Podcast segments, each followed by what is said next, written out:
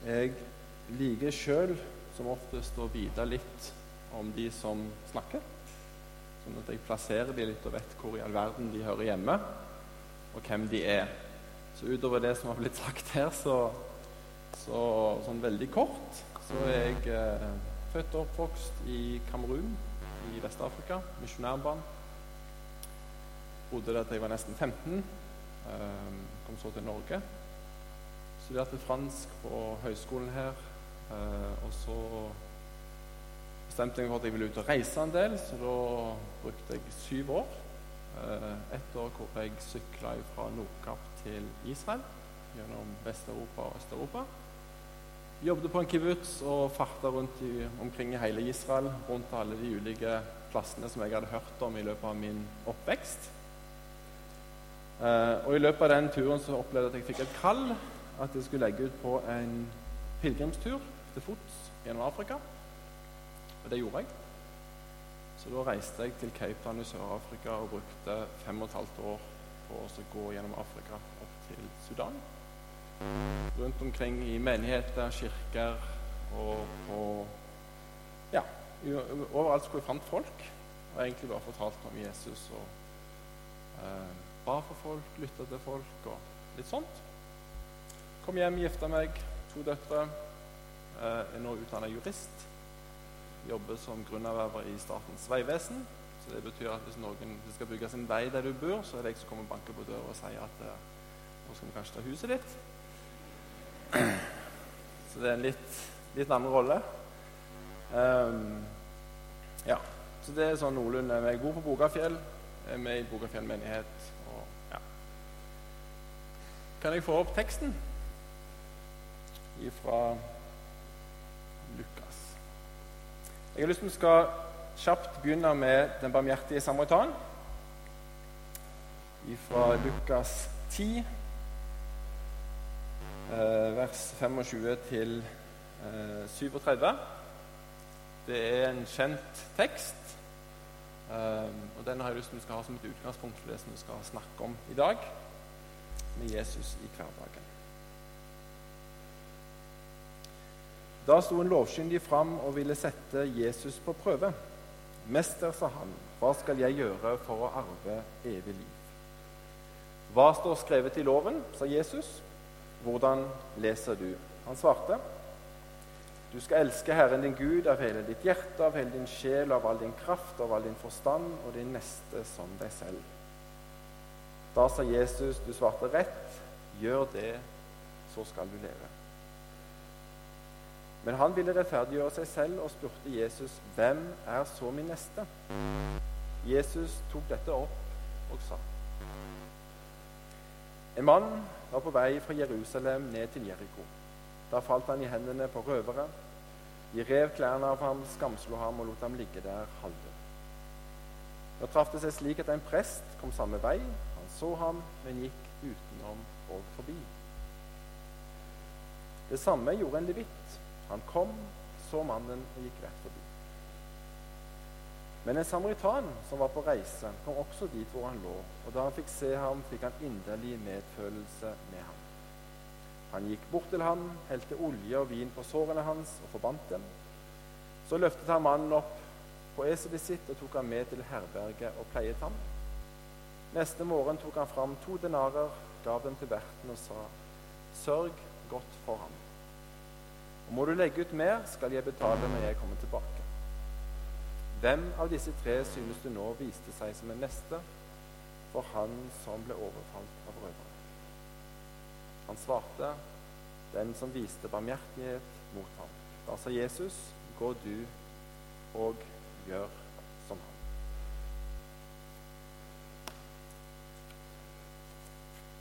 Med Jesus i hverdagen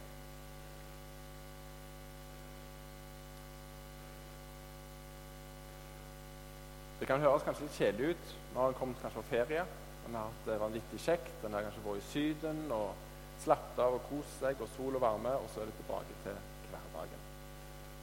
Til rutinene, til det vanlige.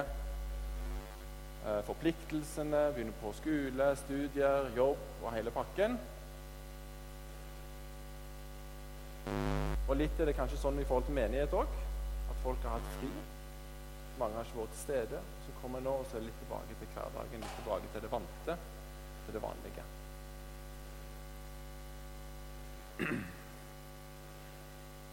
Men det er en litt annen måte å se det på. Og det er Jeg pleier å tenke på hverdagen som fra mandag til fredag. Det er min hverdag i løpet av uke. Og jeg tror for veldig mange kristne så har en da enten møtes, går på gudstjeneste på søndag, eller noen møtes på lørdag, altså her, eller noen kanskje har en samling på fredag. Så er det den åndelige kicken som en har i uka. En kommer der, har det fantastisk kjekt i et fellesskap med andre. Hører om Jesus, åndelig påfyll. Jeg får lov til å slippe løs lovsangen. Og så når mandag kommer, og rutinene begynner, så løper uka av gårde. Og så er, faller egentlig Jesus ganske godt av lasset, og så blir han henta opp igjen på fredag, lørdag eller søndag når han da skal tilbake igjen og ha en samling. Kanskje en blant de som da går i et mindre fellesskap, i en cellegruppe eller en liten gruppe, som kanskje har en et eller annet sånn punkt i løpet av den uka der han blir henta litt inn igjen. Men jeg tror for veldig mange så blir det den ene gangen i uka.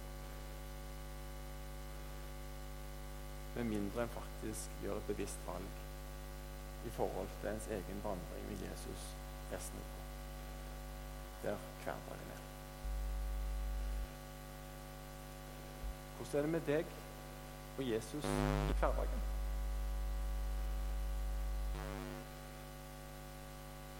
Hvordan er det med deg og Jesus hvis du har vært på jobb, eller du studerer?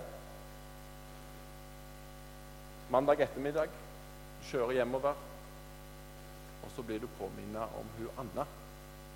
Et eller annet med Anna. Det er veldig lenge siden du snakket med Anna. Siden nå har vært ferie, så kan det være du snakket sist med Anna i juni. Men du får et eller annet som legger seg på hjertet. et eller annet som Det er noe med Anna. Men så har det seg sånn at du har en avtale. Du er på vei kanskje til trening, eller hvis du har familie og unger, eller sånn, så er du kanskje på vei hjem til middag. Du har forpliktelse kanskje til barnehagen til ungene. Et eller annet. Så tenker du at du, selv om det der ligger der og kjenner på hjertet at du egentlig skal egentlig snakke med annet, så sitter han jo i kø. Og så var jo denne barnehagen eller middagen eller et eller annet. Og så kjører han over. Kommer hjem, så går jo dagen, og så neste dag sitter han jo på vei til jobb igjen. Og andre har en glemt for lengst. Hva om det var det at Gud faktisk lå og la deg et eller annet på hjertet om andre?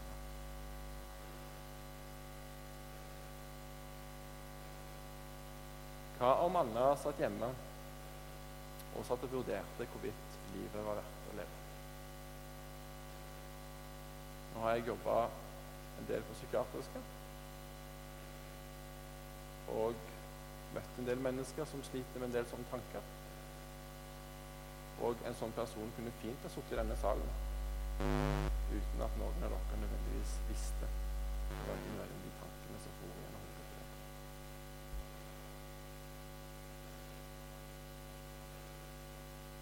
Kanskje var det ingenting. Hvordan er det med deg og Jesus i hverdagen? Hvilke forventninger har du til Jesus? Hva er ditt bilde av ham? Hvordan ønsker du at han skal flette seg inn i din hverdag? Er han en litt sånn distansert figur som rusler rundt i Judealand langt, langt tilbake i tid? Døde på et kors, sto opp.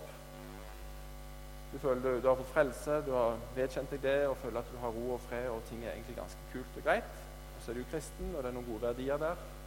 Og så er ting ganske sånn. Tenker så mye mer på det. Er det der du er? Eller har du ønske om en litt mer aktiv innlemmelse av Han i din skap?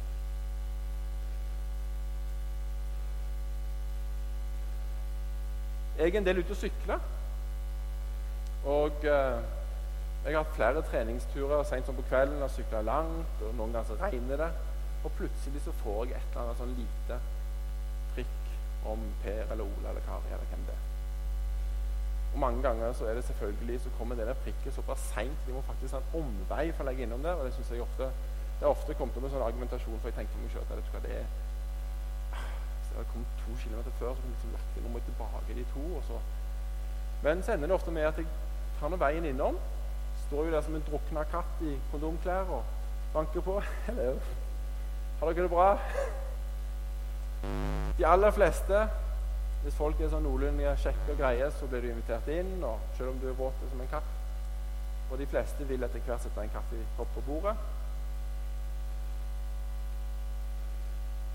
Og gang på gang når jeg har kommet banket på sånne dører, når jeg har fått et eller annet lite vink Som oftest i løpet av en halvtime, tre kvarters tid, så kommer det opp noe. Hvis det er en grunn til Plutselig faller det en kommentar om at det er egentlig pussig at du kommer, Harald. Og så begynner de å brette ut med et eller annet. Andre ganger så går jeg derifra. For jeg pleier å sette en sånn noenlunde grense på en halvtime, tre kvarter tid. Og da tenker jeg at da pakker jeg og så stikker jeg. Da har jeg i hvert fall gitt mulighet og rom for at noe kan skje. Da stikker jeg. Og mange ganger når jeg da endelig stiller sykkelen inn i garasjen hjemme og tar av meg klærne og finner fram telefonen, så ligger det en tekstmelding. Og så ligger det ofte en forklaring på hva som skjedde, og hva de satt og tenkte og snakket om da jeg kom. på at det haster vekk. Hvor er du? Og hva venter du på? Er det tryggest å bli sittende? Er det sånn at en sitter og venter på at noen skal Og en trenger ikke nødvendigvis sitte og vente på at noen skal prikke en på skuldra.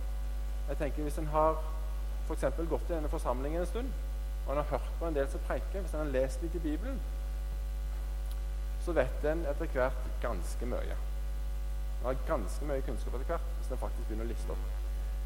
En kan begynne å snakke om Jesus. Så kan en tenke hva, hva gjorde Jesus? Jo, han rusla rundt i gatene blant vanlige folk. Flotte folk, kjongefolk, slags folk. Og de som var helt Hvor ting alt hadde gått i grus. Hadde han omsorg for folk? Ja, hadde det. Brydde han seg om folk? Ja, han gjorde det. Gikk han ei ekstra mil? Ja, han gjorde det. Ba han hans etterfølger om å gjøre det samme? Ja, han gjorde det. Hvilke forventninger har du? Og jeg tenker I mange sånne tilfeller så trenger en faktisk ikke det prikket heller. For en vet nok. En vet allerede nok. Og jeg tror etter hvert når Jeg har jo etter hvert i løpet av årenes tid vært rundt og snakket i ufattelig mange sammenhenger. Fra menigheter, kirker, cellegrupper overalt. Og veldig ofte så sitter det folk som er fullasta med informasjon, med kunnskap. Hvis en f.eks. begynner å debattere homofili, samboerskap, fortolkning av Bibelen, så har en masse, masse kunnskap. Kan masse. Men hvis du spør dem om det bor noen i gata deres som er ensom Hvis de da svarer bekreftende For de fleste av oss vil etter hvert når vi har bodd en plass, så vil en klare å danne seg en lite oversiktsbilde. Så ser en at jo, vet du hva Hun Kari hun, er nesten alltid alene av en eller annen grunn. Ok? Du har fått den informasjonen, du har observert det, du er klar over det. Så er spørsmålet hva ville Jesus gjort? Han ville sannsynligvis tatt kontakt. Og Da kan du spørre vedkommende som har all denne kunnskapen Tok du kontakt? Eller når gjorde du det sist? Nei. De aller fleste har ikke gjort det. Eller flytter noen inn i gata di? Går du og banker på døra? De aller fleste, når de flytter inn en plass, så har de masse som skal inn i huset. Bank på, spør de trenger du flyttehjelp.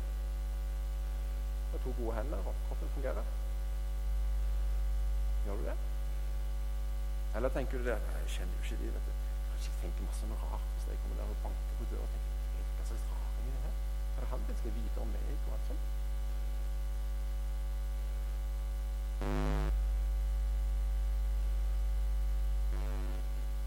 Trua må bli praktisk. Det er ufattelig mange kristne som har som går inn i, inn i huset. Så kommer du til denne hylla. Så står det beretning om den himmelske mann. Så står det beretninger om Khalik Sheikh, som vi våget å kalle ham far. Så kommer det en beretning om den ene og den andre som har gjort fantastiske ting. Så hvis du begynner å spørre hva tid, hvordan er det med deg? Brenner du? Brenner du? Er du gira? Blir du brukt av Gud? Ber du for folk? Når du er på jobb, f.eks., skal du ha en vanskelig avgjørelse. Snu du rundt et hjørne og si at du hva er verdt. Er det her rett?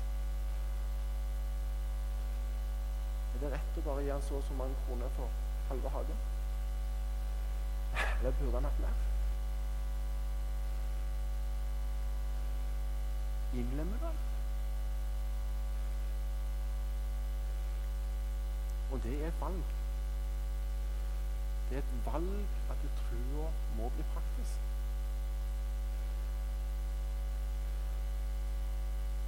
Det er faktisk ufattelig enkelt å vite mye om noe. Det er jo bare å lese. Jeg er det som gjennom en bok. Det er som studier. Altså lese. Hvis du bare leser godt nok og bruker tida faktisk på å lese den boka, så vil de fleste etter hvert komme gjennom og ta en eksamen. Eller de kan det. Det, er det lette. Men det er en vesensforskjell på det å vite mye om Jesus, om Bibelen, til det å leve med Jesus. Det er en vesensforskjell fra det å vite en haug med ting om Ingrid, til det å kjenne Ingrid, til det å ha en relasjon med Ingrid. Til det å vite hva hun tenker og mener, hva hun liker, hva hun ikke liker. Kjempestor forskjell.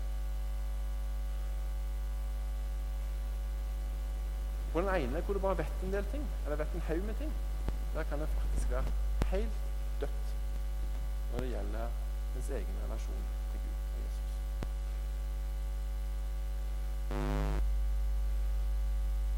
Men vi må leve. Og der ligger en berikelse. Når jeg var ute og gikk under Afrika, det begynner å bli noen år tilbake, så var jeg kommet til en plass Jeg har gått forbi eh, en by som heter East London i Sør-Afrika. Og hadde gått, eh, Den dagen hadde jeg gått ca. 9-8 timer. Ja, 9-10 timer. Og eh, visste fra det jeg hadde funnet ut om landskap og sånn før jeg begynte den dagen, så visste jeg at før eller siden så kom landskapet til å stige ganske mye. Sånn, det ble masse bakker, og det ble tungt, og jeg gikk jo bare på en sekk. Og. Så liksom, jeg begynte om morgenen så hadde jeg satt meg ned og så hadde jeg sagt til Gud jeg håper at jeg finner et plass før slutten av dagen hvor jeg får tak i vann og kan sette opp teltet mitt og få det jeg trenger, så jeg liksom kan få ha en god natts søvn der. Så kan jeg gå videre neste, neste dag. Så hen imot uh, kvelden så begynte jeg å komme, begynte å se disse bakkene som kom. og Så så jeg en gård på høyre side rett før liksom, den første stigningen kom. Og så tenkte jeg at det her var jo vinnertida. Eh, og så hadde jeg lagt en som en regel for meg sjøl at det, før jeg egentlig satte opp, satte ned teltplogene for natten, så skulle jeg sette meg ned og ha en liten sånn bønn bare for å få ro for at det her, det her var det jeg skulle være i natt. Jeg hadde jo tro på at jeg var ute og gikk av en grunn. Og at det gjerne kunne være en grunn til at jeg skulle møte noen individer, ikke andre. Eller det var noen bestemte jeg skulle snakke med den kvelden. Så setter jeg meg ned, og så hadde jeg en sånn kjapp bønn til Gud. Og så sier jeg du far, nå har jeg funnet denne fantastiske gården. Her er det sikkert vann, og her kan jeg ta en dusj, og her kan jeg sette opp teltet. Og alt er alt er jo kjempebra. Så her, nå må du bare gi meg noe og så kan jeg sette opp teltet på natta. Og da fikk jeg plutselig det stikk motsatte. Da fikk jeg en voldsom uro i hjertet så syns jeg jeg hørte en stemme som sa til meg sjøl at du Harald, du skal gå opp bakken. Så ble jeg irritert. Begynte på nytt og sa jeg til Gud at nå har jeg jo funnet denne gården, som sagt. Ikke vi bare kan ja, gi meg litt ro nå her, sånn at jeg får satt opp teltet. Og så økte bare uroen. Og til slutt, på mer på trass, så sier jeg til Gud OK, det er greit, det. Så går vi denne bakken og disse, disse stigningene her. Men da må du jo jommen legge til rette for når jeg kommer på toppen her, at det fins noe. Ellers blir jeg litt vanskelig å gjøre. Altså. Der ser du lille snakker til Gud, vet du. Rusla opp, kommer opp gjennom. Nesten hadde gått gikk ganske lenge på stigningen. liksom bare tok etter, svingte opp gjennom. Og kommer helt på toppen, så ser jeg en gård igjen. Og tenker jo på nytt akkurat samme som jeg liksom sa bønnen min på vei bort. Skulle bort til der og finne alt det jeg trengte. Og hadde lagt hånda på grinda, og så skulle jeg be den samme bønnen. Og idet jeg holder grinda, så ser jeg bare på en vei som går videre nedigjennom, så ser jeg et skilt. Og der står det 'Ocean View Farm'. Og plutselig da så bare la det seg en fullstendig ro Jeg pleier å kalle det åndelig intuisjon. Jeg, har ikke fått noen bok eller noen ting. det er bare, Jeg bare visste der og da at der skal jeg. Så jeg peiste av gårde, begynte å følge den veien. Til slutt så kom jeg til en gård. Satte fra meg tingene mine og grusla innover. Bankte på døra. Og eh, det tok lang tid, og så plutselig så hørte jeg en stemme. Og da satt en, en kar i mørket inntil en vegg. Han satt der. Så spurte meg hvem jeg var, og hva jeg holdt på med. Og, eh, jeg fortalte hvem jeg var, at jeg gikk på en pilegrimstur som går gjennom Afrika. Eh, og så spurte han meg hvor sekken var hvis jeg var ute på en sånn lang tur. Og så rusla vi ned igjen, og så ser han sekken, og så sier han til meg det at når jeg har problemer, så sender jeg Gud noen på døra for å hjelpe. Dagen før så hadde han reist inn til East London sammen med en del venner. Han var mekaniker av yrke. Han skulle kjøpe seg en del deler til en, til en traktor som han holdt på å fikse på. Endte på en bar i stedet. Drakk seg god og full. Gikk tom for penger. Fikk sitte på med en kompis. Og når han var nesten hjemme, så hoppet han av, for da visste han om en bar i nærheten hvor han fikk på bok. Da rusla av gårde der og fikk lov til å drikke litt mer. Og godt utpå kvelden og godt berusa så havna han i krangel med en tidligere politimann. Og det ble tidlig ganske heftig. Til slutt så trakk han politimannen opp en våpen og ba han om å roe seg ned. Og kompisen vår han var da blitt såpass tent at da skulle han hjem og hente sitt våpen, for han var jo jeger. Så han beina jo hjemover og henta hente våpenet. Han begynte å nærme seg huset, så forsto kona at det her var det et eller annet som ikke var bra. Så hun var låste bua hvor han oppbevarte våpnene sine, og så kom seg inn i huset igjen. Og han kom dit og prøvde å røske opp døra. Fikk han ikke opp og ble rasende. og kom inn og bankte hun opp. Og så gikk han tilbake, for han skulle fikse han med politimannen. Og heldigvis så var han gått hjem på dagen. Så sitter han neste dag så innser han det at han kunne ha risikert er drept en person. Kanskje seg sjøl. Kona var gravid ganske langt ut i graviditeten og hadde fått seg ganske nøye barn. og innså jo òg at det muligens kunne påføre kostnader.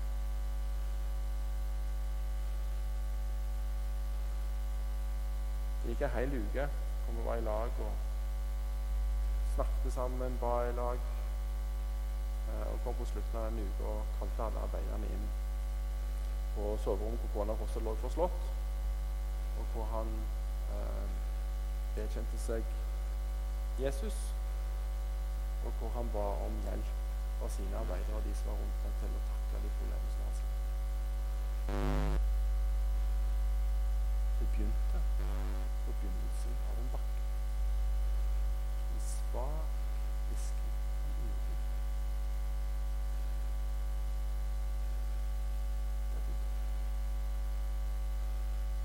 Og jeg har ingen fanarie eller tro på at jeg er et sånt lite menneske som går rundt og hører ting og har antenner som ikke andre har. Jeg tror andre også har helt like antenner som meg. Jeg har ikke noe mer enn andre. Og Da tenker jeg at denne hviskinga, dette lille dyttet, det er det òg andre som burde høre.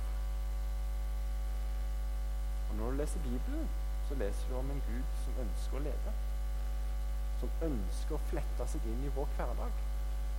Som ønsker å prege.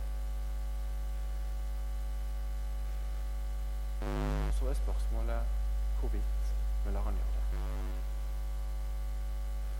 Kan du ta et bilde?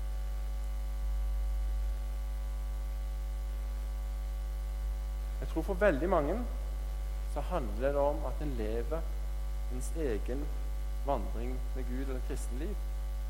Det lever en innenfor ens egen komfortsone. Det er som det er trygt å være. Og Veldig ofte så skjer det òg i kristne forsamlinger. Faktisk så kan noen, noen ganger kristne forsamlinger bli en liten Du kan bli fanga der. Det blir så trygt og godt. Og så har du så mange som tenker likt som deg. Du blir ikke utfordra. Du blir ikke utfordra nødvendigvis på hvordan du lever, du blir ikke utfordra på de tankene du har. Fordi det er trygt og godt, og så holder en seg der.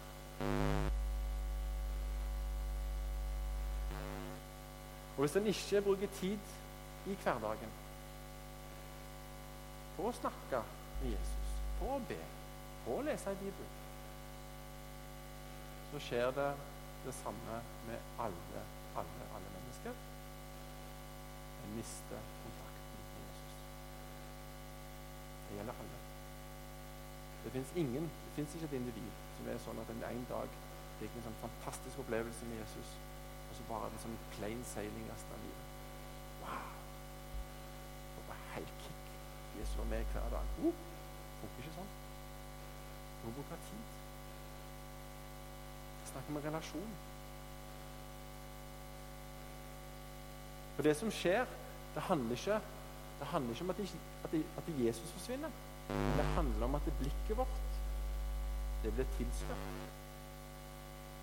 Jo færre av de stundene hvor vi har i lag med Jesus, jo lengre tid det går mellom du bruke tid med ham, jo lengre tid det går mellom du lese Bibelen, jo lengre tid det går mellom du oppsøker sammenhenger hvor en diskuterer, snakker om de verdiene, og hvor det blir pekt på de verdiene, jo mer blir blikket tilslørt. Og når det blir tilslørt, så hører en ikke når Jesus prøver å leve inn i hverdagen. Og Når en kommer dit hen at en er levitten eller presten som rusler ned gjennom, så ser en noen som trenger hjelp. Kanskje fordi vedkommende er ensom. Kanskje fordi vedkommende har flytta inn en plass. Kanskje fordi du ser at en person har problemer med å finne seg til rette i den klassen, settingen der dere er.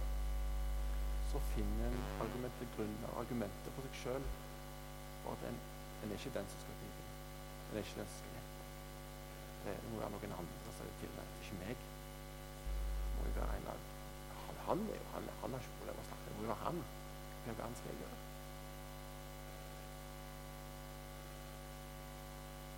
Til slutt, jo mer tilslørt en er blitt, jo lengre tid det går, så tenker en ikke på at en hele resonnerer seg fram til argumenter. En bare glemmer. En ser ikke samaritanen som ligger der. En rusler forbi. Nei, en forslåtte som ligger der. Det ser han ikke.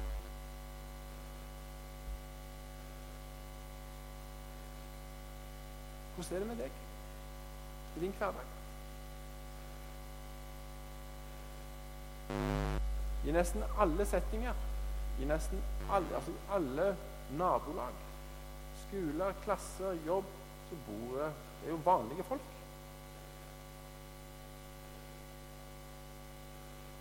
Og vanlige folk, de lever ikke her oppe. De lever i perioder. Så svinger det litt i livet.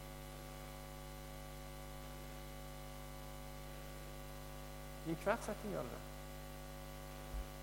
Så er spørsmålet har en øyne som ser det. Og hvis en ser, hva gjør en?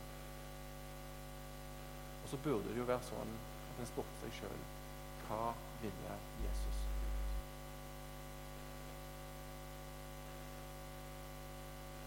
Hvordan er det med deg?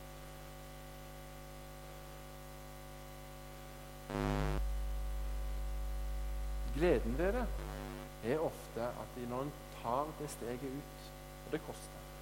Det koster alltid når en går utenfor, ut av sin egen komfortsone. Det koster alltid. Det gjør alltid det.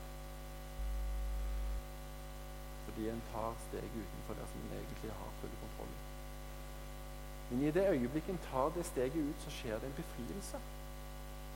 Og den befrielsen den ligger i at så lenge en kontrollerer alt sjøl, så får ikke Ånden og Jesus slippe fullt.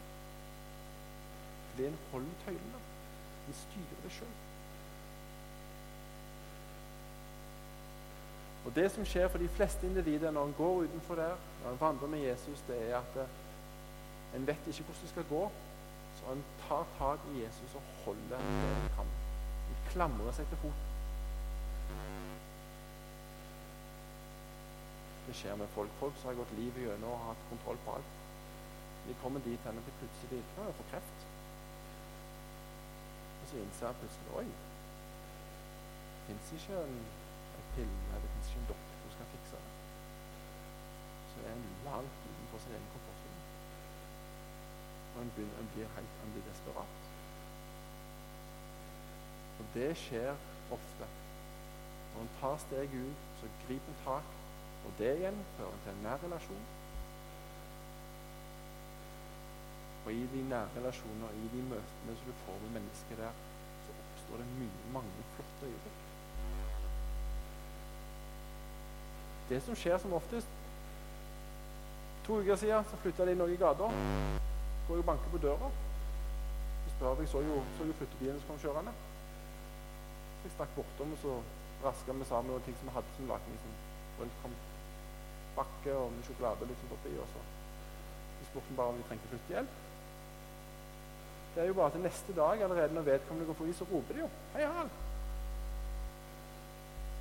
Neste gang så stikker de nedom. Ikke noen relasjon.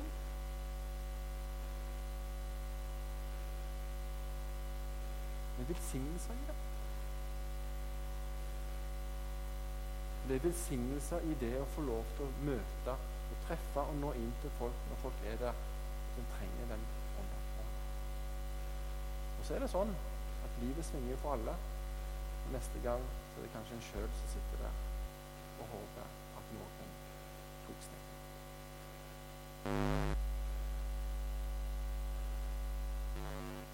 For Gud har lovt at det skal skje fantastiske ting.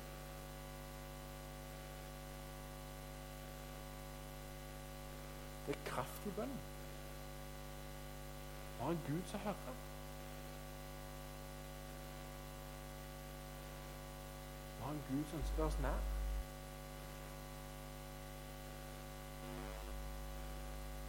Vi har en Gud som ønsker å være deltakende i vår hverdag. Som ønsker å prege. Så er det ditt valg hvor langt på vei får han lov til å prege. Og hva gjør du for at han skal få lov til det? Det er litt det samme som du i dag har i venninne. Du kan ha en god kjemi og prosjekt i lag. Så går det kanskje to år fram, så dere er ferdig med studier. Så finner dere en type og unger. Hvis ikke dere gjør noe for å holde på den kontakten dere har i dag, så forsvinner relasjonen. Til slutt så sitter en igjen med det referansepunktet som en hadde i dag. Den relasjonen som en hadde i dag. Men alt det som skjer underveis, som er med å forme og prege de videre livene, det forsvinner. Fordi den er ikke der. Og en har ikke knutepunkter. En gjør ikke noe for å ha de knutepunktene. Til slutt så oppstår det en distanse. Det samme skjer i vår kristne verden.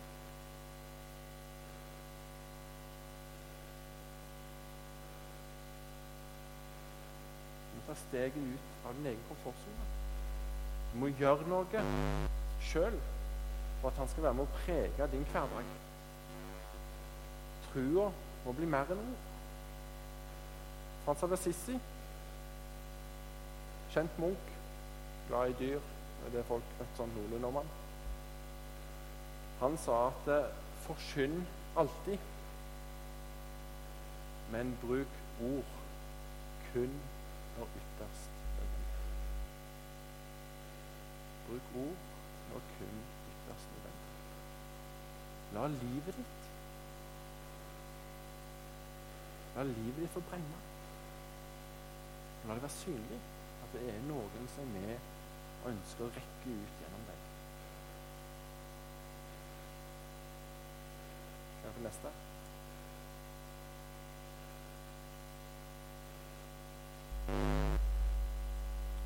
Så er det slik at Gud har utøst og utøser kraft og kjærlighet i våre hjerter.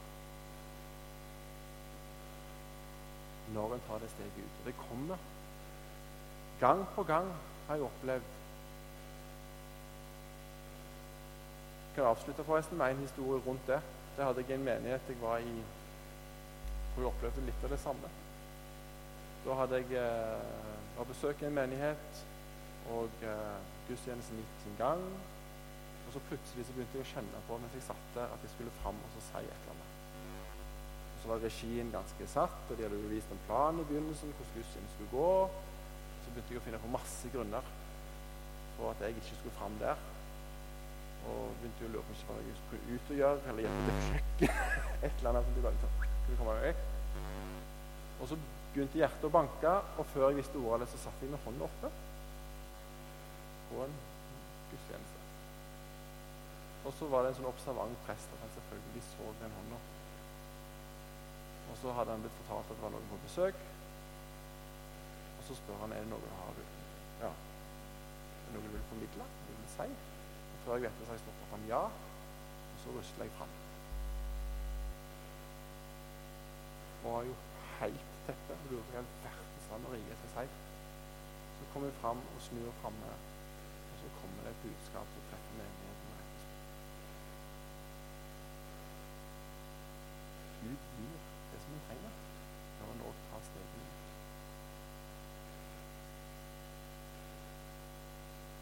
Hvor er du med Jesus?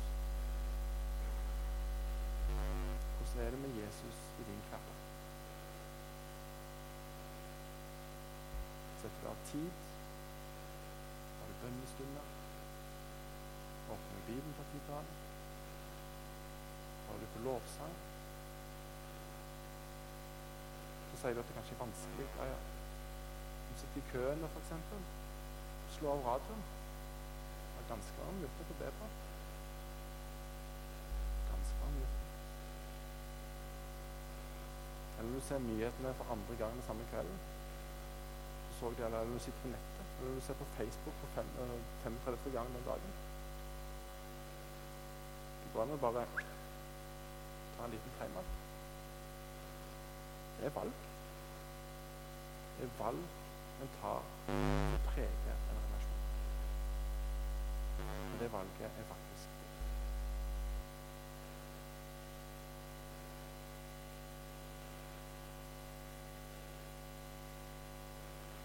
vil avslutte med en liten bønn. Som folder hendene.